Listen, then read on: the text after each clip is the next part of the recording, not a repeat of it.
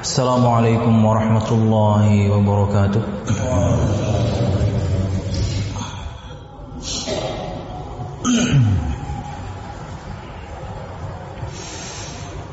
إن الحمد لله نحمده ونستعينه ونستغفره ونعوذ بالله من شرور أنفسنا ومن سيئات أعمالنا.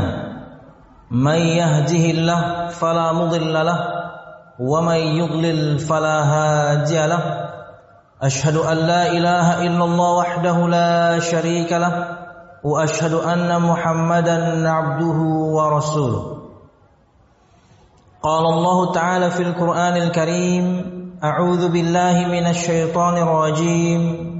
يا أيها الذين آمنوا اتقوا الله حق تقاته ولا تموتن إلا وأنتم مسلمون. يا أيها الناس اتقوا ربكم الذي خلقكم من نفس واحدة وخلق منها زوجها وبث منهما رجالا كثيرا ونساء واتقوا الله الذي تساءلون به والأرحام إن الله كان عليكم رقيبا يا أيها الذين آمنوا اتقوا الله وقولوا قولا سديدا يصلح لكم أعمالكم ويغفر لكم ذنوبكم ومن يطع الله ورسوله فقد فاز فوزا عظيما. فإن أصدق الحديث كتاب الله وخير الهدي هدي محمد صلى الله عليه وسلم وشر الأمور محدثاتها فإن كل محدثة بدعة وكل بدعة ضلالة وكل ضلالة في النار أما بعد Hadirin jamaah Jumat rahimakumullah Alhamdulillah segala puji dan syukur marilah kita haturkan kepada Allah Subhanahu wa taala.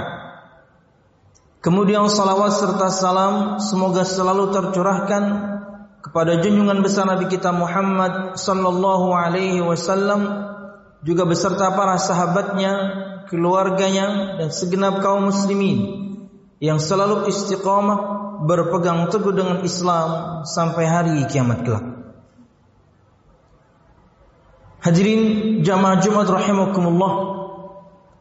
Dalam surah An-Nisa ayat 59 Allah Subhanahu wa taala berfirman, "Ya ayyuhalladzina amanu Allah wa atiiur rasul wa ulil amri minkum."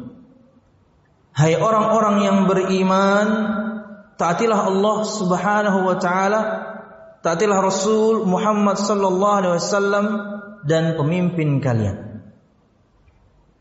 Pada ayat ini kita mendapatkan perintah dari Allah Subhanahu wa taala langsung untuk mentaati Allah Subhanahu wa taala dan juga untuk mentaati Nabi Muhammad sallallahu alaihi wasallam.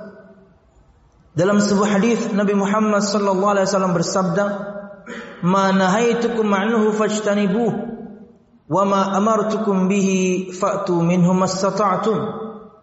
fa innama ahlaka man kana qablakum kathratu masailihim wa ikhtilafihim ala anbiya'ihim dalam sebuah hadis yang dikeluarkan oleh Imam Al-Bukhari dan juga Muslim dari sahabat Abu Hurairah radhiyallahu anhu berkata Nabi Muhammad sallallahu alaihi wasallam bersabda berkaitan dengan ketaatan kata beliau sallallahu alaihi wasallam apa yang aku larang dari kalian tinggalkanlah apa yang aku perintahkan untuk kalian lakukanlah sesuai dengan kemampuan kalian.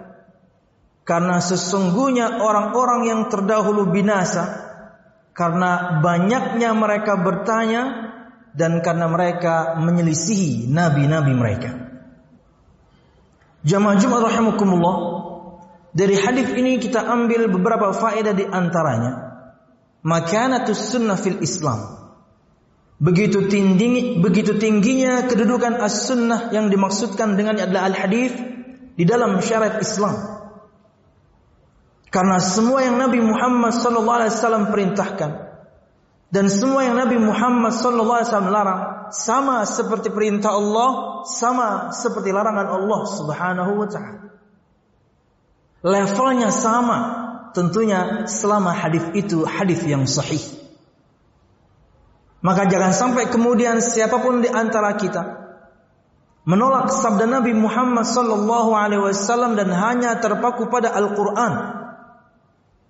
Karena perintah Allah Subhanahu wa taala langsung untuk mentaati Allah dan nabinya. Dan Nabi kita Muhammad SAW kemudian juga memerintahkan kita langsung untuk taat kepadanya dalam perintah-perintahnya dan meninggalkan larangan-larangan. Kata Nabi Muhammad SAW, "Ma yakhruju min fiyya illa al-haq." Tidak ada yang keluar dari mulutku ini kecuali kebenaran. Allah Subhanahu wa taala berfirman, "Wa ma yantiqu 'anil hawa in huwa illa wahyu yuha." dan tidaklah dia maksudnya Nabi Muhammad sallallahu alaihi wasallam berkata-kata dari hawa nafsunya maksudnya dari diri beliau sendiri. In huwa illa wahyu yuha semata-mata ialah ia adalah wahyu yang diwahyukan kepadanya. Maka semua sabda Nabi Muhammad SAW wahyu dari Allah Subhanahu wa taala maka kita tidak boleh membeda-bedakannya sekalipun tentunya sabda Nabi Muhammad sallallahu alaihi wasallam entah itu berkaitan dengan perintah ataupun larangan, tidak ada dalam Al-Quran. Selama Nabi Muhammad SAW mensabdakannya, maka kewajiban kita taat. Kata beliau SAW, "Lau ulfiyanna ahadukum muttaki'an ala arikatihi, ya'tihi amrun mimma amartu bihi, au nahyun mimma nahaitu anhu fayaqul, ma wajadna fi kitabillahi ittaba'nah." Kata Nabi Muhammad sallallahu alaihi wasallam, jangan sampai aku temukan salah seorang di antara kalian yang duduk santai bersandar di kursi sofanya, kemudian datang kepadanya perintah-perintahku, sampai kepadanya larangan-laranganku, kemudian dia mengatakan yang ada dalam Al-Quran itulah yang kami ikuti. Maksudnya kalau dari sabda kami nggak ikut. Kata Nabi Muhammad, jangan sampai aku temukan salah seorang di antara kalian seperti itu. Dan apakah ini terjadi? Ada. Orang yang kemudian mengingkari sabda-sabda Nabi Muhammad SAW walaupun sahih. Karena patokan mereka yang penting Al-Quran, sabda itu nggak perlu diikuti. Subhanallah. Perintah dari Allah langsung agar kita mentaati Nabi Muhammad SAW dan Nabi Muhammad juga langsung memerintahkan kita agar kita taat kepada beliau sallallahu alaihi wasallam. Maka selama hadis itu sahih, maka ia tidak ada ubahnya sama levelnya dengan Al-Qur'anul Karim karena semuanya wahyu Allah Subhanahu wa taala. Kata Nabi Muhammad SAW, Ala inni utitul Qur'ana wa mithlahu ma'ahu. Ketahuilah, sesungguhnya telah diturunkan kepadaku Al-Quran dan yang semisal Al-Quran maksudnya sabda beliau ma'hu bersama Al-Quran. Semua yang Nabi Muhammad SAW sabdakan wahyu Allah subhanahu wa ta'ala. Inilah faedah yang pertama Begitu tingginya derajat as-sunnah yang dimaksudkan dengannya al-hadis di dalam syariat Islam, ia memiliki level yang sama tentunya jika hadisnya sahih. Kemudian faedah yang kedua yang bisa kita ambil dari sabda Nabi Muhammad adalah bahwasanya meninggalkan yang Nabi Muhammad larang lebih mudah dibandingkan menjalankan ketaatan. Kenapa? Karena tinggal ditinggalkan saja. Teman yang buruk tinggalkan, komunitas yang buruk tinggalkan, perbuatan yang buruk tinggalkan. Tinggal ditinggalkan saja. Tapi berkaitan dengan menjalankan ketaatan subhanallah kita harus mengerahkan semua daya upaya untuk melakukannya. Salat ini, salat itu, puasa ini, puasa itu, zakat dan lain sebagainya. Sampai kemudian kita harus belajar betul-betul dulu tentang keutamaannya hingga memotivasi kita untuk melakukannya. Menjalankan ketaatan itu berat, tapi bukan mustahil. Makanya ada embel-embel sesuai dengan kemampuan. Makanya kata Nabi Muhammad SAW, Salli qa'iman, fa illam tastati' fa qa'idan, fa illam tastati' fa ala jambin. Salatlah kamu berdiri. Kalau tidak mampu, duduk. Kalau tidak mampu, rebahan. Sesuai dengan kemampuan. Tapi bukan berarti kemudian sesuai dengan kemampuan ini kita bermudah-mudah untuk meninggalkan ketaatan. kita kemudian meremehkan ketaatan. Ah nggak apa-apa jamak aja. Ah nggak apa-apa kosor aja. Ah nanti masbuk aja. No. Bukan itu yang dimaksud. Bahkan kata para ulama ketika seorang memang dia tidak mampu untuk sholat berdiri kecuali duduk minimal takbiratul ihramnya berdiri. Dia sudah menghitung bahwasanya jika sepanjang sholat dia tidak mampu untuk berdiri, maka minimal kata ulama waktu takbir Allahu Akbar berdiri baru kemudian duduk sampai selesai. Karena basicnya dia mampu berdiri, cuman untuk sepanjang itu dia nggak mampu. Minimal kata para ulama, kemampuan dia ketika takbiratul ihram dia berdiri dulu, baru kemudian duduk. Lain ceritanya kalau misalnya orang memang sejak pertama dia berbaring, boro-boro duduk, apalagi berdiri. Sejak awal dia kemudian berbaring karena tidak bisa ngapa-ngapain. Wallahu a'lam bishawab. Jadi menjalankan perintah Allah Subhanahu wa taala, perintah Nabi Muhammad SAW itu ada embel-embel kemampuan karena memang berat. Tapi Allah Subhanahu wa taala mewajibkan Nabi Muhammad SAW memerintahkan itu semua hal yang mampu kita pikul. Berat dia tapi mampu kita pikul. Makanya ada embel-embel kemampuan, tapi tidak untuk meninggalkan maksiat. Karena ia lebih ringan, tinggal ditinggalkan saja. Wallahu alam bisa. Kemudian, faedah yang ketiga yang bisa kita ambil dari sabda Nabi Muhammad ini adalah bahwasanya meninggalkan yang Allah Subhanahu wa taala larang, meninggalkan yang Nabi Muhammad SAW larang itu dalam perkara yang banyak ataupun sedikit sama saja. Jangan karena kemudian sedikit, ah nggak apa-apa. Jangan karena kemudian sedikit, nggak apa-apa juga. Kata Nabi Muhammad SAW, "Ma haruma kathiruhu faqaliluhu haram." Yang diharamkan dalam jumlah banyaknya, sedikitnya pun haram. Ketika Allah Subhanahu wa taala melarang, ketika Nabi Muhammad SAW melarang, tinggalkan aja. Walaupun sedikit Ustaz, sama, tinggalkan saja. Karena pasti ada keburukan yang banyak di balik sebuah larangan. Sebaliknya, begitu banyak manfaat di balik sebuah perintah.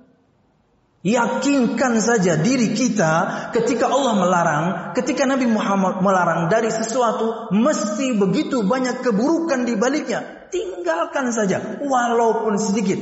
Lain kasus kalau misalnya sesuatu yang diharamkan tadi harus kita makan, harus kita minum karena darurat. Dan ingat jamaah sekalian patokan darurat itu adalah kematian. Anda kalau tidak minum ini, Anda kalau tidak makan ini, Anda mati. Karena ada orang kemudian bergumul dengan riba alasannya darurat. Anda nggak mati. Anda nggak minjam di bank, Anda nggak mati. Anda tidak kemudian ber, bergumul dengan riba dengan leasing, Anda nggak mati. Lain dengan Anda betul-betul di satu tempat, nggak bisa makan kecuali yang ada cuman babi. Haus tidak ada yang minum kecuali kemudian cuman khamar. Anda nggak makan atau nggak Anda mati. Subhanallah. Jadi jangan kemudian alasan darurat pada makan minuman Anda bawa ke masalah yakni riba. No. Patokannya itu adalah darurat itu patokannya kematian. Kalau Anda tidak melakukannya Anda mati. Dengan perhitungan kita tentunya. Karena kita tidak tahu kemudian kapan nyawa kita akan dicabut. Dan subhanallah. Siapa pun di antara kita. Rizkinya sudah Allah tentukan dan kita tidak akan mati sampai rezeki kita sempurna. Maka cari yang halal dengan cara yang halal. Jangan pakai alasan kan darurat. No. Wallahu a'lam Kemudian faedah yang keempat yang bisa kita ambil dari hadis Nabi Muhammad adalah bahwasanya para sahabat radhiyallahu anhu mereka adalah orang-orang yang paling perhatian dengan agama ini. Artinya ketika ada satu masalah mereka pasti bertanya dan mereka tidaklah bertanya kecuali yang penting. Dari mana ini faedah yang kita ambil? Dari sabda beliau, fa innama ahlaka man kana qablakum kathratu masailihim. Sesungguhnya orang-orang terdahulu sebelum kalian mereka binasa karena banyak tanya. Apakah tidak boleh bertanya? Boleh. Apakah di dalam masalah agama, apalagi masalah apalagi dalam masalah fikih, apalagi kemudian fikih di zaman pandemik. Begitu banyak fatwa bermunculan di masa pandemik, spesial masalah fikih ibadah dalam masa pandemik. Bertanya harus Tapi bertanyalah perkara-perkara yang penting, bertanyalah perkara-perkara yang bermanfaat untuk Anda. Yang dimaksudkan banyak bertanya di sini yang menyebabkan kemudian umat-umat terdahulu itu binasa, perkara-perkara gaib. Yang Anda tidak dapatkan keterangannya dari firman, yang Anda tidak dapatkan keterangannya dari sabda. Karena hukum asalnya gaib, Anda tidak bisa cerna, Anda tidak bisa indra. Maka berkaitan dengan perkara-perkara yang gaib, sesuai dengan firman saja yang kita imani, sesuai dengan sabda saja yang kita imani. Mendalam, no. Kenapa? Tidak ada keterangan. Nanti di padang mahsyar matahari didekatkan sejarak satu mil. Satu mil itu satu kilo setengah. Atau mil di situ adalah panjang besi calaknya seorang wanita. 5 sampai 6 senti. Gimana ya? Anda sibuk cari literatur sana sini. Gimana ya? Kok sedekat itu? Gimana ya? Pusing Anda. Karena keterangan yang lain tidak ada. Ketika Nabi Muhammad SAW mensifati burak beliau bahwasanya ia adalah peranakan kuda dan keledai besarnya seperti peranakan kuda dan keledai seperti bighal nggak besar besar amat warnanya putih panjang satu langkah kakinya sejauh mata mandang itu saja keterangannya dari Nabi Muhammad SAW. Anda tidak perlu kemudian cari lebih dalam. Kenapa? Karena nggak ada.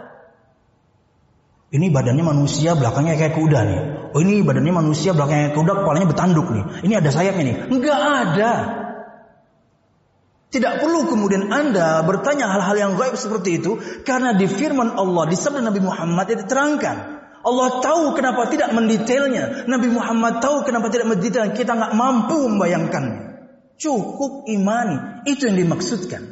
Orang-orang terdahulu mereka berniasa karena banyak bertanya perkara-perkara gaib yang mereka tidak bisa indra. Cukup imani.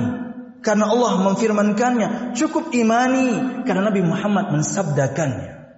Wallahu a'lam bisawab. Kemudian yang terakhir. Yang bisa kita ambil faedahnya dari hadis Nabi Muhammad SAW. Potongan yang terakhir. Wa kathratu ala anbiya'ihim. Dan sesungguhnya orang-orang terdahulu binasa karena banyaknya mereka berselisih dari nabi-nabi mereka. Alaihi wassalatu wassalam. Termasuk kita kepada Nabi kita Muhammad sallallahu alaihi wasallam. Jangan pernah menyelisihi beliau. Perintahnya kita tinggalkan, larangannya kita terobos, yang tidak pernah diajarkan kita bikin. Allah Subhanahu wa taala berfirman An-Nur 63 Falyahdharil ladzina yukhalifuna an amrih an tusibahum fitnah aw yusibahum adzabun alim. Maka berhati-hatilah maka takutlah siapa? Orang-orang yang menyelisihi nabinya Nabi Muhammad SAW menyelisih perintah nabinya Muhammad SAW. Perintahnya ditinggalkan, larangannya diterobos, yang tidak pernah ajarkan dibikin-bikin. Hati-hati. Kata Allah Subhanahu wa taala. Takut kata Allah Subhanahu wa taala. Kenapa? Antusibahum fitnah akan ditimpakan fitnah pada hati mereka. Apa maksudnya fitnah ini? Kata Imam Nukathir dalam tafsir yang menyebutkan kekufuran, kesyirikan, kemaksiatan, kemunafikan. Ini berbahaya. Ketika seorang meninggalkan perintah Nabi Muhammad, ketika seorang menerobos serangan Nabi Muhammad, ketika bahkan seorang membuat-buat syarat Nabi Muhammad tidak pernah ajarkan, akan dilipakan empat perkara ini pada hati Anda. Kemunafikan, naudzubillah kesyirikan, bahkan bisa jadi kekufuran. Cukup belum alim atau ditimpakan kepada mereka azab yang sangat pedih. Maka jangan sampai kita menyelisih Nabi Muhammad SAW. Sebisa mungkin kemudian kita menjalankan perintahnya dan meninggalkan larangannya.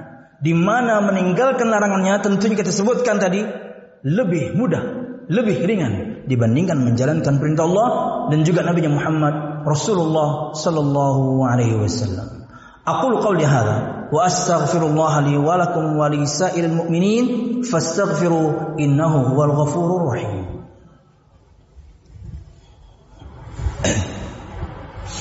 الحمد لله الحمد لله الذي هدانا لهذا وما كنا لنهتدي لولا أن هدانا الله. والصلاة والسلام على أشرف الأنبياء والمرسلين محمد صلى الله عليه وسلم وعلى آله وأصحابه أجمعين. الذي حارب الباطل وأيد الحق وطمس الرذائل وأحيا الفضائل وتمم مكارم الأخلاق. وهدى الناس إلى صراط مستقيم صراط الذين أنعم الله عليهم من النبيين والصديقين والشهداء والصالحين وحسن أولئك رفيقا. Jamaah Jumat rahimakumullah sebagai penutup. Firman Allah Subhanahu wa wa may yuti'ir rasul faqad ata Allah. An-Nisa 80 dan barang siapa yang mentaati Rasul berarti dia mentaati Allah Subhanahu wa taala. Dan orang-orang yang menjalankan ketaatan kepada Allah dan Rasulnya diberikan begitu banyak janji-janji pahala dan kenikmatan dari Allah Subhanahu wa taala di dunia sebelum di akhirat di antaranya firman Allah Subhanahu wa taala Ali Imran 31, "Wa atiiullah war rasul la'allakum turhamun." Dan taatilah Allah dan Rasulnya agar kalian mendapatkan rahmat. Karena rahmat Allah lah yang membuat semua kita insyaallah amin ya rabbal alamin masuk surga Allah Subhanahu wa taala. Ya, masuk surga itu karena rahmat Allah. Untuk menggapai rahmat Allah Subhanahu wa taala kita taat. Itu adalah sebab. Tapi kalau masuk surga Allah karena amal kita murni, layak seperti barang, layaknya seperti barang, surga itu kita beli dengan amal kita, enggak cukup. Semua umur kita ini kita gunakan untuk kemudian yang menjalankan ketaatan kepada Allah Subhanahu wa taala tidak cukup untuk membayar satu nikmat mata. 60 tahun umur Anda, 70 tahun umur Anda, 80 tahun umur Anda menyembah Allah Subhanahu wa taala. Kemudian karena itu Anda ingin mendapatkan surga karena amal Anda bukan karena rahmat. Ya Allah, masukkan saya ke surgamu karena saya beramal. Disebutkan sebuah riwayat demikian. Seseorang yang ditentukan masuk surga Allah Subhanahu wa taala kata Allah, "Masukkan hambaku ini ke dalam surgaku karena rahmatku." Hambanya komplain. Ya Allah, masukkan aku ke surgamu karena amalku. Dia hitung-hitungan seperti barang. Surga sepertinya bisa dia beli dengan amalnya. Oke. Disebutkan kata Allah Subhanahu wa taala, hitung. Hitung amalnya dan dihitung. Puluhan tahun umur dia dihitung takutnya tidak cukup untuk membayar satu nikmat Allah penglihatan. Gimana dengan pendengaran? Gimana dengan nikmat-nikmat yang lain yang tidak bisa kita hitung? Nikmat mata ini saja tidak bisa kita bayar dengan beribadah puluhan tahun. Bagaimana kemudian surga ingin kita bayar dengan amal kita? No. Tapi ia sebab. Ia adalah sebab agar kita mendapatkan rahmat Allah Subhanahu wa taala. Tilkal jannatul lati urithumuha bima kuntum ta'malun. Itulah surga yang diwariskan kepada kalian karena sebab amal-amal yang kalian lakukan dengannya kalian mendapatkan rahmat Allah Subhanahu wa taala. Kata Nabi Muhammad SAW, Ma minkum min ahadin yudkhiluhu amaluhu al-jannah. Tidak ada seorang pun di antara kalian yang karena amalnya lah yang memasukkan dia ke surga Allah. Enggak ada. Terlalu sedikit amal kita ini. Kemudian para sahabat bertanya, "Wala anta ya Rasulullah? Tidak juga engkau ya Rasul? Bukan karena amalmu yang menyebabkanmu masuk surga Allah Subhanahu wa taala?" Kata Nabi Muhammad, "Wala ana." Tidak juga saya. Nabi Muhammad kurang apa amalnya? Nabi Muhammad kurang apa amalnya? Kata Aisyah radhiyallahu Nabi Muhammad tidak pernah meninggalkan salat malam dan kalaupun beliau ngantuk beliau tetap salat tapi duduk Nabi Muhammad. Maksudnya tidak perlu kita bahas yang wajib-wajib. Yang sunnah beliau nggak pernah ketinggalan. Dan ini baru salat malam. Belum salat-salat yang lain. Dan ini baru salat. Belum ibadah yang lain. Kurang apa apa Nabi Muhammad. Kata Nabi Muhammad SAW, A'lamukum billahi ana, atqakum billahi ana. Orang yang paling mengenal Allah di antara kalian saya. Orang yang paling bertakwa di antara kalian saya. Sampai ngomong juga bukan karena amal saya. Kata Nabi Muhammad SAW, illa ayyataghammadana illa ayyataghammadani Allah bi rahmatih. Bedanya, Allah telah melimpahkan rahmatnya kepada saya. Maka beramallah, taati Allah, taati Rasulullah, dengannya kita mengharapkan rahmat Allah, dengannya kita semuanya insyaallah amin masuk surga Allah Subhanahu wa taala amin ya rabbal alamin. Ini yang bisa ulun sampaikan mudah bermanfaat saran dan khilaf ulun mohon maaf. Maqsim lana min khasyatika ma tahulu bihi bainana wa baina ma'siyatik ومن طاعتك ما تبلغنا به جنتك ومن اليقين ما تهون به علينا مصائب الدنيا. ومتعنا الله بأسماعنا وأبصارنا وقواتنا أبدا ما أحييتنا. واجعله الوارث منا واجعل ثأرنا على من ظلمنا يا أرحم الراحمين. ربنا هب لنا من أزواجنا وذرياتنا قرة أعين واجعلنا للمتقين إماما. ربنا لا تزغ قلوبنا بعد إذ هديتنا وهب لنا من لدنك رحمة إنك أنت الوهاب. اللهم إنا نسألك حسن الخاتمة ونعوذ بك من سوء الخاتمة يا أرحم الراحمين اللهم إنا نسألك الجنة وما قرب إليها من قول أو عمل ونعوذ بك من النار وما قرب إليها من قول أو عمل ربنا آتنا في الدنيا حسنة وفي الآخرة حسنة وقنا عذاب النار سبحان ربك رب العزة عما يصفون والسلام على المرسلين والحمد لله رب العالمين أكمل السلام